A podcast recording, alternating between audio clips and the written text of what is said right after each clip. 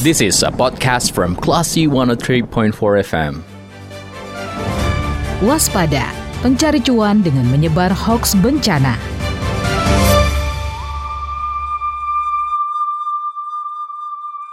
Asni, ibu muda dengan dua anak ini berkisah, dirinya selalu cemas ketika melepas anaknya sekolah di SD Tanah Air Padang.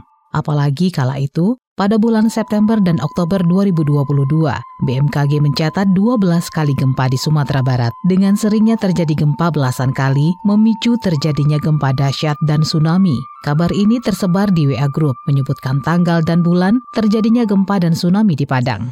Iya benar, karena anak masih kecil, apalagi saya punya anak kelas masih kelas 1, nggak tahu apa-apa kan. Siapa yang tidak khawatir mendengar kabar pertakut itu? Asni mengaku tidurnya pun tak nyenyak. Selain anaknya yang masih kecil untuk ditinggal di sekolah, rumah yang mereka tempati pun berada di zona merah tsunami. Tidak hanya ibu Asni, Ibu-ibu lainnya yang mengantarkan anaknya ke sekolah dasar tidak jauh berbeda takutnya. Bak kata pepatah, sudah jatuh tertimpa tangga pula. Sudahlah sering merasakan gempa yang membuat tak bisa tidur lelap, makin diperparah dengan muncul kabar pertakut, tsunami dan gempa besar itu. Rasa takut warga dengan seringnya terjadi gempa dimanfaatkan pihak-pihak tertentu untuk mendulang rupiah dengan membuat konten hoax. Dari seberang, telepon berdering. Pak Masrul Effendi, seorang penggiat kebencanaan yang juga tokoh masyarakat di Tabing, Kota Padang bercerita, dirinya banyak menerima telepon dari warga. Menanyakan kebenaran informasi pada akhir bulan akan terjadi gempa dengan kekuatan 8,9 skala Richter hingga tsunami di pesisir pantai Sumatera Barat. Masrul Effendi juga men-share WA tersebut ke grup tempat berkumpulnya aktivis kebencanaan. Diskusi di grup kebencanaan ini kembali hidup. Terlihat fakta bahwa masyarakat masih saja percaya sebuah informasi tanpa tahu sumber informasi tersebut. Berita-berita hoax seperti itu, saya itu kebanjiran telepon sama masyarakat. Ya. Kepala BMKG Padang Panjang Suwadi langsung membantah adanya informasi tanggal terjadi gempa besar dan tsunami di Sumatera Barat. Sudah terjadi di A dan B tanpa informasi dari BMKG, artinya itu hoax.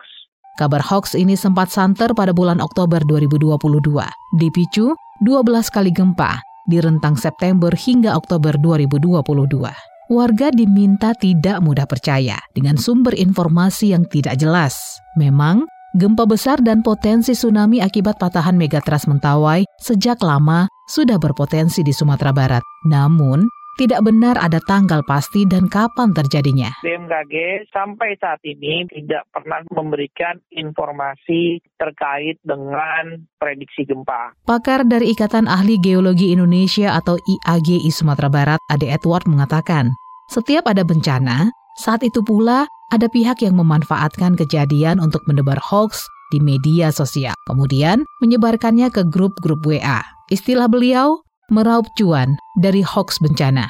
Ade Edward meminta warga cerdas bermedia sosial, bertanya kepada ahlinya seperti BMKG dan BPBD. Jangan sampai kebodohan terus berulang dengan percaya kepada sumber-sumber yang tidak jelas.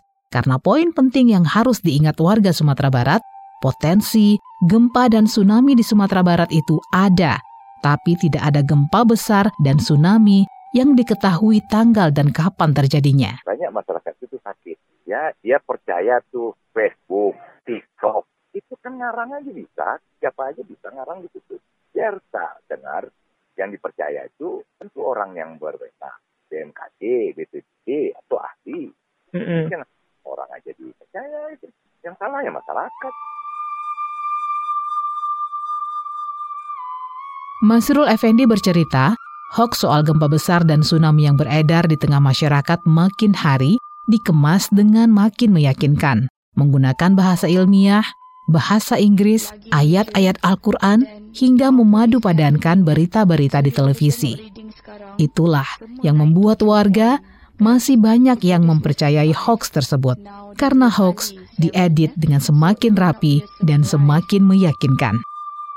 Menjadi catatan kita bersama setiap bencana, selalu disusul tersebarnya hoax di tengah masyarakat. Kepala BMKG Dwi Korita bahkan sempat mengingatkan warga jangan mudah percaya hoax. Keterangan ini disampaikan orang nomor satu di BMKG tersebut pasca gempa di Cianjur yang menewaskan ratusan orang. Pasca gempa Cianjur. Banyak hoax tersebar, bahkan mencatut nama dan lambang BMKG. Kepala BMKG Padang Panjang Suwaidi menambahkan, bahkan karena seringnya hoax menyebar saat bencana, BMKG membuat tim khusus yang memantau hoax yang beredar di tengah masyarakat. Dan BMKG biasanya mengeluarkan informasi resmi jika ada hoax yang tersebar di tengah masyarakat di Instagram resmi BMKG bernama Info BMKG. Terkait dengan hoax itu juga kita punya tim tim cyber namanya. Makanya di Instagramnya BMKG, di info BMKG. Kabit Humas Polda Sumatera Barat, Kombes Pol Dwi Sulistiawan mengatakan, polisi tak akan segan-segan menindak pelaku yang menyebarkan hoax. Di Polda Sumatera Barat juga dibentuk cybercrime yang memantau lalu lintas hoax di tengah masyarakat. Jika meresahkan, masyarakat dan BMKG bisa melaporkan ke Cybercrime Polda Sumatera Barat, bahkan Polda Sumbar juga menyiapkan aplikasi lapor hoax. Aplikasi ini untuk mengecek apakah informasi yang beredar hoax atau melaporkan hoax yang meresahkan di tengah masyarakat. Prosedurnya begitu. Nah, ada ternyata. Jadi kalau oh ini hoax nih udah jelas gitu loh. Dari ahlinya yang bilang itu hoax. Bisa. Jadi nanti kan ada proses penyelidikan dulu. Setelah penyelidikan barang buktinya lengkap digelar kan begitu kan masuk nggak ini ke ranah pidana nah, begitu prosedurnya BMKG dan sejumlah pakar kegempaan menyatakan, gempa besar dan tsunami berpotensi terjadi di pesisir Sumatera Barat akibat megatrust Mentawai. Namun, tidak ada tanggal pasti kapan akan terjadinya. Sebagai warga Sumatera Barat dengan daerah supermarket bencana, diharapkan meningkatkan pemahaman potensi bencana di daerahnya. Dan yang terpenting, cerdas bermedia sosial Jangan mudah percaya informasi dari sumber yang tidak jelas. Hanya percaya kepada lembaga resminya yang ditunjuk negara, seperti BMKG, BPBD, dan para ahli geologi. Feature ini didukung oleh Cek Fakta, Aji Indonesia, Asosiasi Media Siber Indonesia, Masyarakat Anti Fitnah Indonesia, dan Google News Initiative.